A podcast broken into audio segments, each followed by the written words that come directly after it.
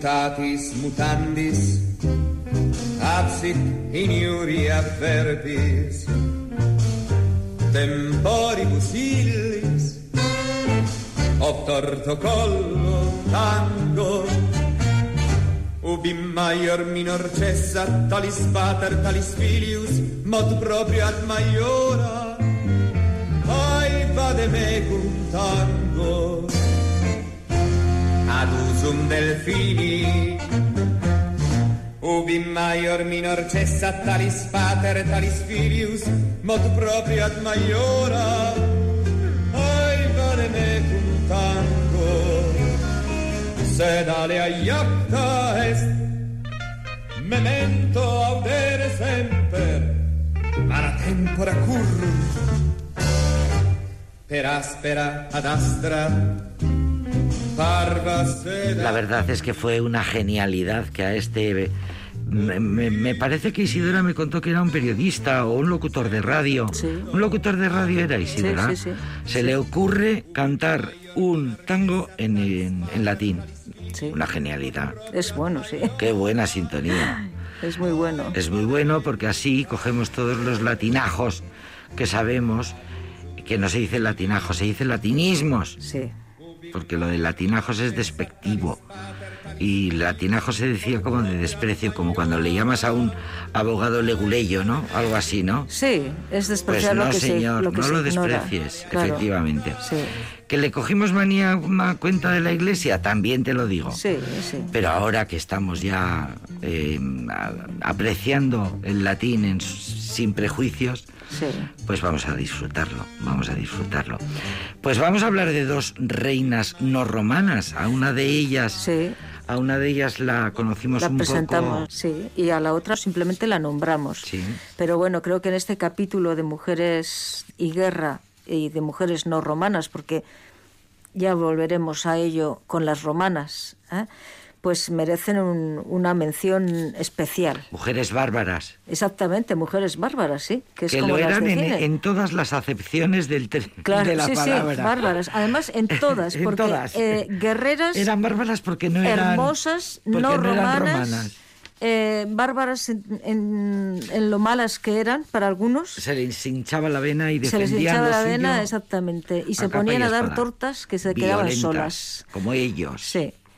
Pues a, la reina britana era, decíamos que era una reina boudica o boudicea, que según las traducciones, según la traducción que, elijamos, era la viuda del rey de los Icenos de Prasutago. Y este rey era un rey aliado, no, no, no tenía mala relación con, con Roma. Y como muestra de esa buena relación y, de que, y, y además de la voluntad de seguir manteniéndola, pues a su muerte había legado el reino a sus hijas y al emperador, que era en ese momento Nerón precisamente para seguir siendo reino cli- cliente, lo que le daba ciertas ventajas. Me has invadido, pues bueno, vale, vamos a negociar, Sí, yo te doy la mitad de mi reino. y además es me que- respetas, me dejas tranquila con, claro, con mi eh, familia, me y mis permites cosas. que mi, que mi mujer y mis hijas tengan su estatus. Y tenemos que pensar además que Britania en ese momento, estamos hablando del siglo I después de Cristo, hacia mediados, ya llevaba un tiempo, digamos, bajo control romano. Había bastantes, había ciudades relativamente importantes. Esas ciudades que eran colonias, mm, ciudades privilegiadas, pues eh, son las que las que van a jugar un papel importante en toda esta historia. ¿Por qué? Porque los romanos no, no hacen lo que, lo que el rey britano esperaba que hicieran. Y dice, nos dice Tácito, que es el, el historiador Tácito, Tácito.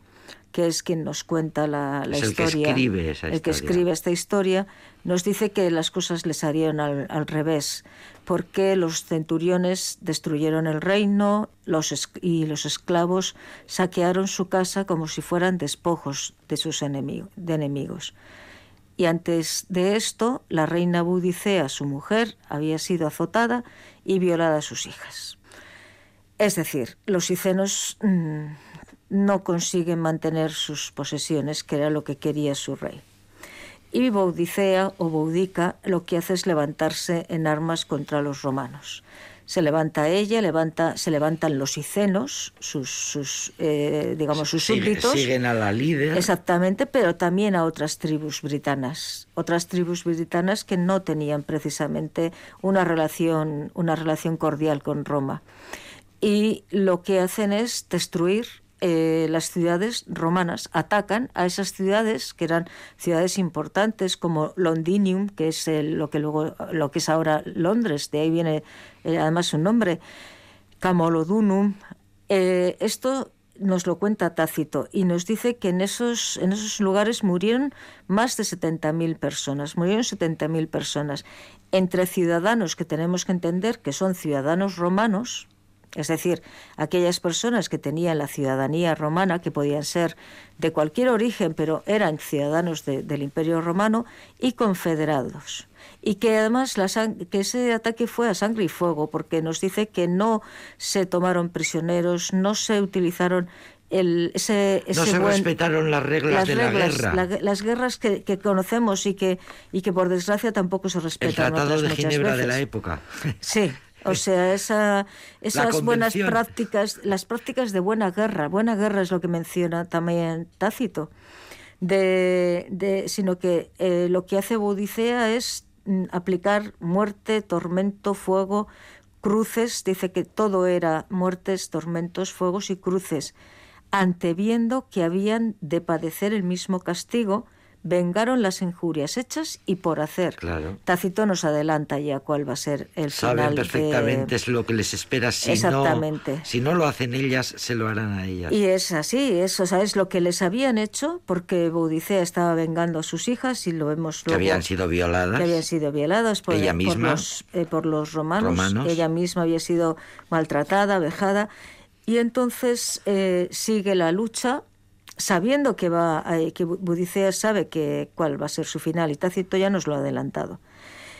Eh, a Roma le cuesta, le cuesta reconducir, manda a un gobernador, a Suetonio Paulino, que es quien por fin logra derrotar a, a Budicea. Y Tácito nos cuenta cómo va eh, y cuáles son, cuál es la arenga que ella les, les lanza a, esos, a esos hombres y mujeres britanos que estaban eh, esperando para atacar. Dice, la describe en su carro, llevando consigo a sus hijas. Y dice, eh, según se iba acercando a las escuadras de aquellas naciones, les decía, que no era cosa nueva a los britanos pelear debajo del gobierno de mujeres, mas que, sin embargo, quería ella entonces proceder no como descendiente de tan famosos y ricos progenitores, sino vengar como una de las demás mujeres del vulgo la libertad perdida, el cuerpo molido a azotes y la virginidad quitada a sus pobres hijas habiendo pasado tan adelante los apetitos desordenados de los romanos que ni a los cuerpos, ni a la vejez, ni a la virginidad perdonaban, violándolo y contaminándolo todo. Más que los dioses favorecían más a las venganzas justas, como lo mostraba bien la legión degollada que se atrevió a pelear. Los demás, decía ella, o escondidos en sus alojamientos o buscando caminos por donde huir, no sufrían el entruendo y vocería de tanto número de soldados, cuanto y más el ímpetu y las manos. Vosotros, si consideráis bien la cantidad de la gente de ambas partes y las causas de la guerra, haréis resolución de vencer o morir en esta batalla. Las mujeres, a lo menos, hecha tenemos esta cuenta. Vivan los varones si quieren en perpetua servidumbre. Vivan los varones si quieren en perpetua servidumbre. Pero ella deja claro que ella va, va a luchar hasta el final. Ella y, además, dice que no es cosa nueva para los britanos haber eh, seguido a una líder A una reina, claro. Pero en este texto tácito eh, lo que hace además es decir que ella no actúa simplemente como una reina, actúa como una mujer. Lo que hace es defender, dice, eh, como una de las demás mujeres del vulgo. O sea, como ella, ella se identifica con todas las mujeres britanas que habrían sufrido una situación Todas las mujeres de todas esas tribus que se alían para defenderse del romano. Y entonces les dicen, bueno, mm, hemos llegado hasta aquí, hay muchos, mucho vocerío, mucho soldado, hemos matado a muchos soldados, una legión degollada menciona, pero eh, es lo que, lo que hay. Venimos a vengarnos como una más de las demás mujeres. Y, y Budicea sabemos que, que, perdió esta batalla y que se suicidó. Fue su final.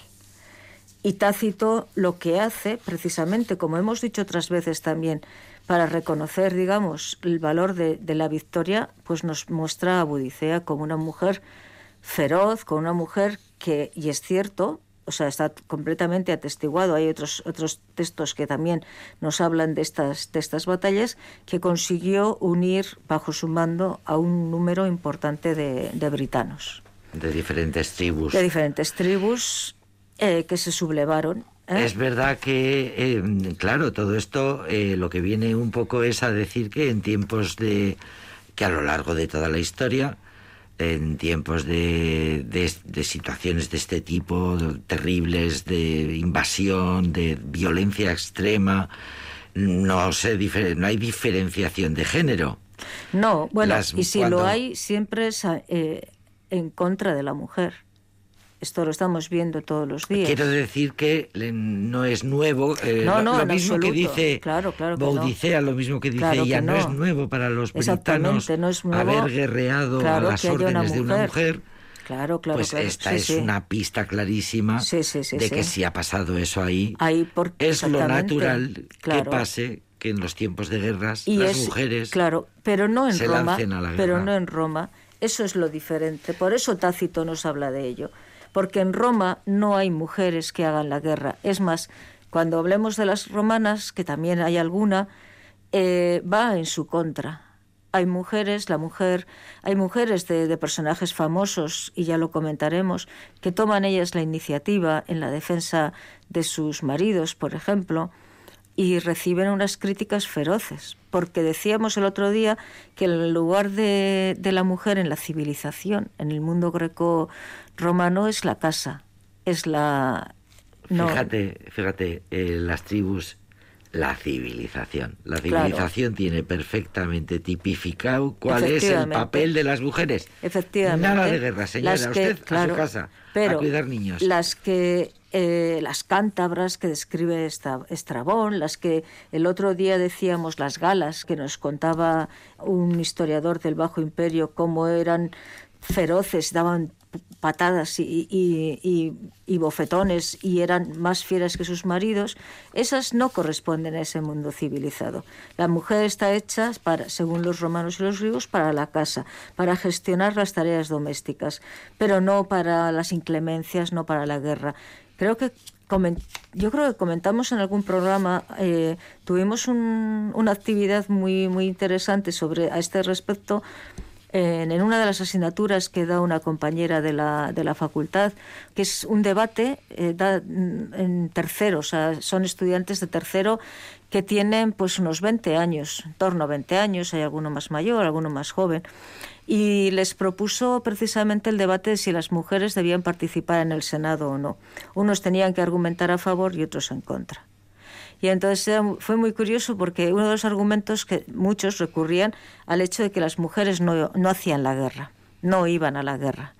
Y me acuerdo de un estudiante, un chico que dijo, hombre, las mujeres no van a la guerra, pero parir ya es bastante doloroso y sangriento, ¿no? y creo que lo comentamos, comentamos aquí que había sido porque se implicaron mucho los estudiantes, ¿eh? no sabían lo que tenían que defender hasta ese momento y habían preparado argumentos en favor y en contra. Y entonces eso, el argumento más... Un parto es una experiencia que curte a una mujer. Pero eso servía para una cosa y para otra. Decía, porque si van a la guerra y se mueren, ¿quién van a tener los hijos? ¿Quiénes van a tener los hijos? Y si una mujer es capaz, es capaz de, soportar, un, parto, ¿cómo no puede ir a una guerra? Y otro, y, muchos.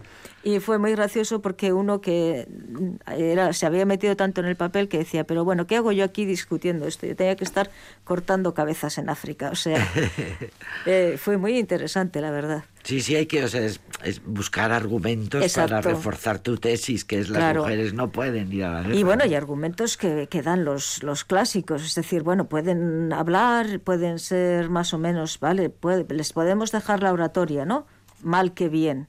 Les podemos dejar parte de, acción en, la, en el ámbito de la religión, pero la guerra está vetada.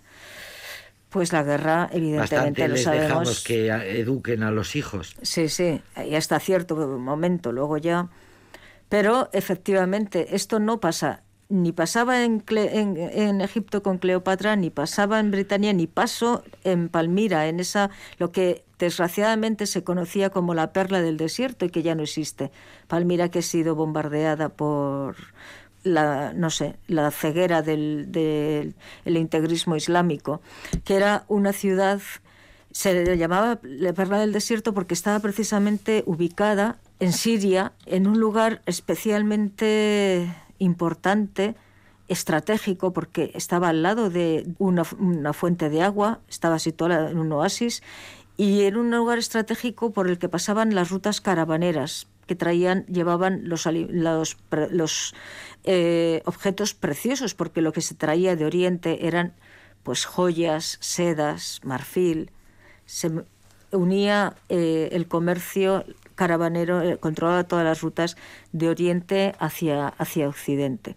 Y esa ciudad, ese, esa ciudad-estado en Siria, en una, en una situación privilegiada, como estamos diciendo, pues estaba gobernada también durante mucho tiempo, estuvo gobernada por, eh, por una monarquía eh, que era mm, propicia o que era aliada de Roma.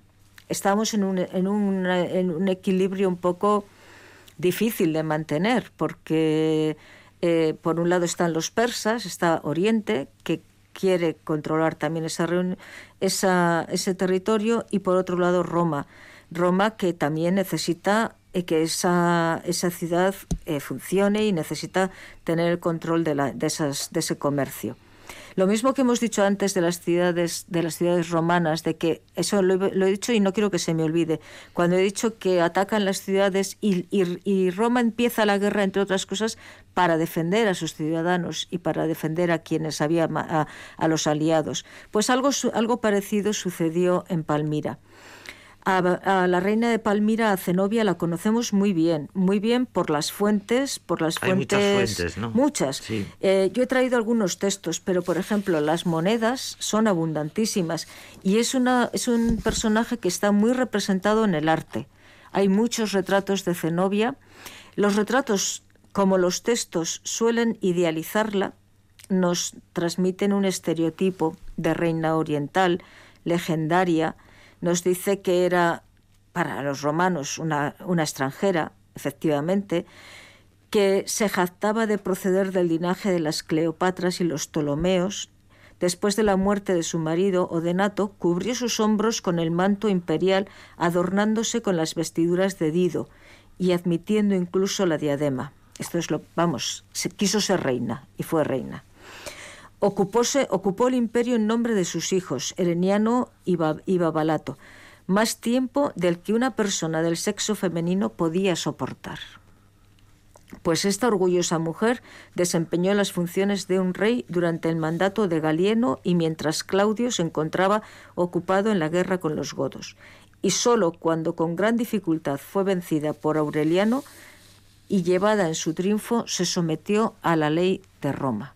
Fueron pocos años los que mm, duró el imperio de, Zenobia, pero unos años importantes en los que ella extendió el, territorio de Palmira. Y decíamos, es, un, es un estereotipo porque dice que tiene un rostro oscuro, de color moreno, con unos ojos negros que irradiaban un vigor extraordinario, de espíritu divino y de una belleza increíble. Sus dientes eran tan blancos que muchos pensaban que tenía perlas en lugar de dientes, y la voz clara y semejante a la de un hombre. Qué curioso, ¿eh? La, voz, clara y semejante, a la de un hombre. Por eso manda. Autoridad. claro, tenía autoridad. La voz de la autoridad. En las monedas aparece y no aparece tan. Aparecen con una, representación mucho más realista. Y, aparece con una nariz ganchuda.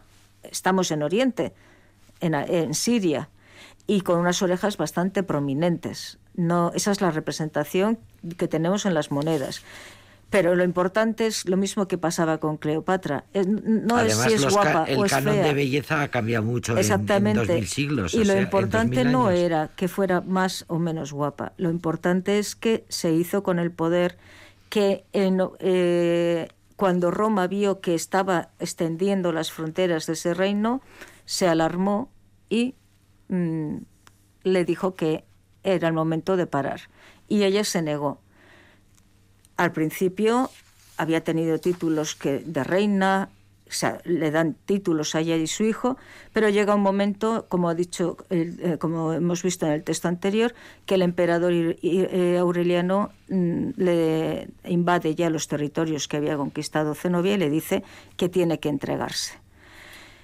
Y además él se justifica diciendo que no combate solo contra una mujer, combate contra un número de enemigos mucho mayor, porque dice que atacar a un hombre no tiene tanto mérito, porque ella está peleando, está, está peleando contra una mujer que tiene miedo como mujer, pero que lucha como los que temen un castigo. Es decir, ella va a dar un paso adelante, es lo que hemos visto con Boudicea, no tiene nada que perder. ¿Qué, qué, qué, qué ciscos mentales se hacen los hombres? Sí, sí, Dicho sea de paso. ¿eh? Porque fíjate si es rebuscado pensar, tiene miedo como mujer que es, Sí. pero lucha como los que temen un castigo. Claro. Es decir, sabes ¿qué que te has creído, es chaval? como los niños, aquí parece como los niños que saben que la, ¿Qué te has- que la están haciendo y les estás diciendo te, te la vas a cargar, ¿no? Pues en, en palabras muy llanas sería eso. O sea, tiene miedo porque es mujer y es lo que le Y las corresponde. mujeres son unas miedosas. Pero, ojo, está peleando como si no tuviera un mañana, que es la verdad. Es- es- se trata de eso, Claro. precisamente. Y entonces, el fin de Zenobia, pues hay algunos que dicen que se suicidó y otros que después de ser conducida en, tri- en el triunfo del emperador con unas joyas que eh, eran eh, de oro espléndidas, pero que pesaban mucho y eran unos grilletes de oro, una, unas en, tanto en manos como en, las manos como en los pies y una, un collar de oro. Pues eh, hay una versión que es la que nos transmite la historia eh, Augusta, que dice que Aurelio, Aurelio, el emperador, le perdonó la Le vida. reconoció le reconoció su valor. el mérito de Exacto. haber sido una mujer tan guerrera y tan y luchadora. que la dejó vivir con- junto a sus hijos eh, en un en Tívoli, en un palacio cerca del, de lo que era eh, o lo que fue el palacio de Adriano. Pero claro, después de conducirla y de pasearla por Roma en celebrando el triunfo sobre, Paseo sobre su territorio. Dice, además, Pomposo como ningún otro. Claro. Dice eh, que eh, capturó a Palmira, a, a Zenobia, con su ejército huyendo de Palmira y le reservó la vida para la celebración de su triunfo, rodeada de joyas y de cadenas de oro. Pero claro, tenía que demostrar que había sido vencida. Es muy curioso porque el ejército de, Pal- de- de Palmira es un ejército muy bien adiestrado, es un ejército, no, no es ese grupo de bárbaros que podrían ser los, los britanos, más o menos pues desorganizados. Aquí estamos hablando de un ejército muy bien organizado, muy bien adiestrado, que había puesto precisamente en marcha eh, el, el marido de, de Palmira. Y Palmira llega al trono cuando es asesinado su, su marido y su hijo mayor. Por eso ella llega a- al trono. Pero no solamente se conforma con gestionar ese territorio, sino que basándose pues, es en, en esa infantería, una infantería muy bien armada, lo que hace es eh, conquistar, Conquistar. ampliar su- el Conquistar, territorio. Porque sabe, claro, porque sabe que eh, preservar su poder también Claro. implica Claro, claro. el ir eh, afianzando y sus, sus tierras, ¿no? Y, y eso es lo que es. hay una conferencia muy interesante en la fundación, en, en YouTube pueden encontrarla. Es la, la Fundación Juan March en Madrid, organiza ciclos de conferencias y hay una conferencia muy interesante sobre, sobre Zenobia y además la describe como la creadora de un imperio. Son, son sobre imperios de la profesora María José Hidalgo. Y yo les recomiendo, es muy Sí, sí, facilito sí. de acceder a ella y, y además tiene unas imágenes, unos mapas y mucha, unas representaciones muy buenas de, de, de Zenobia a lo largo del tiempo, en, en cuadros de distintas épocas la Fundación Juan March. Estaba pensando que Zenobia, que fue la escritora Zenobia sí, Camprubí, exactamente. el padre, los padres de, de Zenobia Camprubí, pues fíjate, tuvieron... Sí, sí, sí. sí. Eh, supongo que tendrían todo el, la intención del mundo cuando le pusieron Hombre, de nombre Zenobia, ¿no? Seguro, Una escritora feminista. Seguro, y lo mal, vamos, lo poco, lo poco conocida que es, porque estuvo también ocultada a la sombra, a la sombra de, de, de, Juan Ramón. Juan Ramón Jiménez. Exactamente, entonces... Zenobia. De. Sí, sí, cuando ella era la que hacía las traducciones y, y había hecho mucho. Y qué drama la, eh, qué drama la, que se bombardeara y que la destrucción hmm. de Palmira. ¿eh? Sí, eso fue tremendo, tremendo, porque además eh, durante precisamente durante el reinado de, de Zenobia se, se, ampliaron, se construyeron edificios y, y, está completamente asolado, o sea, es, una, es tremendo. Leo que había planes de reconstrucción. Sí. De que, bueno, claro, es, claro. Una, una, una, es un lugar que ha sido una joya. Sí, sí, era eso, le llamaban los autores clásicos la, la, la perla, perla, del, del desierto. desierto. Y decían, describían su, la, la, importancia. Querida Isidora Embrujo, cuántas historias, muchas, ¿eh? En muchas. una, ¿eh? Sí. Gracias, gracias. Gracias. Cada vez que te oigo hablar, siento el rifle ante mi pecho y tus ojos tienen ganas del gatillo apretar. Cuanto más me mandes callar, más ganas tendré de hablar. Cuanto más me duela el golpe, con más rabia querré luchar.